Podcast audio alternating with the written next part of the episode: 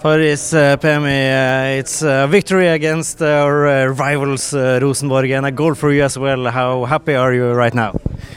Yeah, I'm happy. I'm really happy, especially because we, we also get the three points and I get to help the team. That's the most important today. And um, yeah, it was a it was a great game. And and this is a typical, really good football match. We got five goals, we got two red cards, we got a lot of yellow cards. How was it? How was it playing out there today?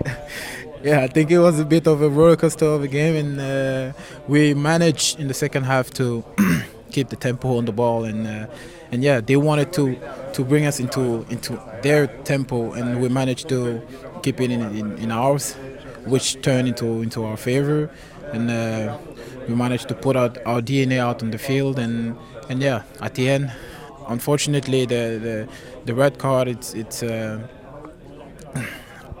I don't know what to say about it. I don't want to make any comments on it, and um, but yeah, I'll just leave it to the, to to everybody to, to see and judge if it was. Uh, for you, uh, for you to beat uh, Rosenborg, coming from uh, Kristiansund, geographically close, so a bit of a rivalry there. Bodø/Glimt Rosenborg always been a rivalry. So how how is it to how satisfaction is it to to beat this Rosenborg team now?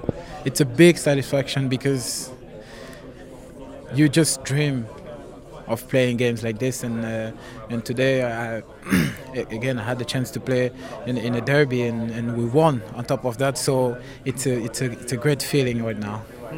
And, and for your sake, uh, maybe a little bit slow start for Bodø/Glimt, a couple of games with no goals, but suddenly you're on fire, scoring two goals against Lillestrøm and uh, winning the game alone, and then scoring the very important opening goals here. It's uh, really you're really starting to find your place in Bodø/Glimt now.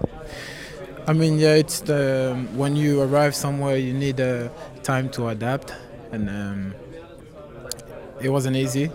And, but I kept working, and, and my, my teammates helped me settle in, in the team, and uh, and yeah, today it's, if it's looking good, the credit goes to all the team because we we we all playing the same football, we all playing together, we all put in the effort for for for one another, and and if I look good today, that means the team is looking good.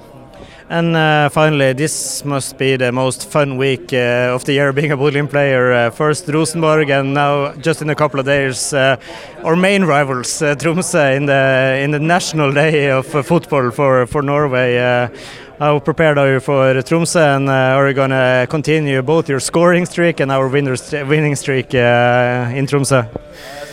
Yeah, yeah, I think um, it's a very important game and we we are going to do everything it takes to to win that game, no matter the cost. And uh, we're very aware of that. We know what we're going into. We know the team. We know uh, what will come. And it will be a great team of uh, of Tromsø prepared to give 100%, and uh, we are also prepared to to do the same thing. So I think it's going to be an interesting game to watch. Thank you, Faris. Congratulations on the victory and your goal. Thank you.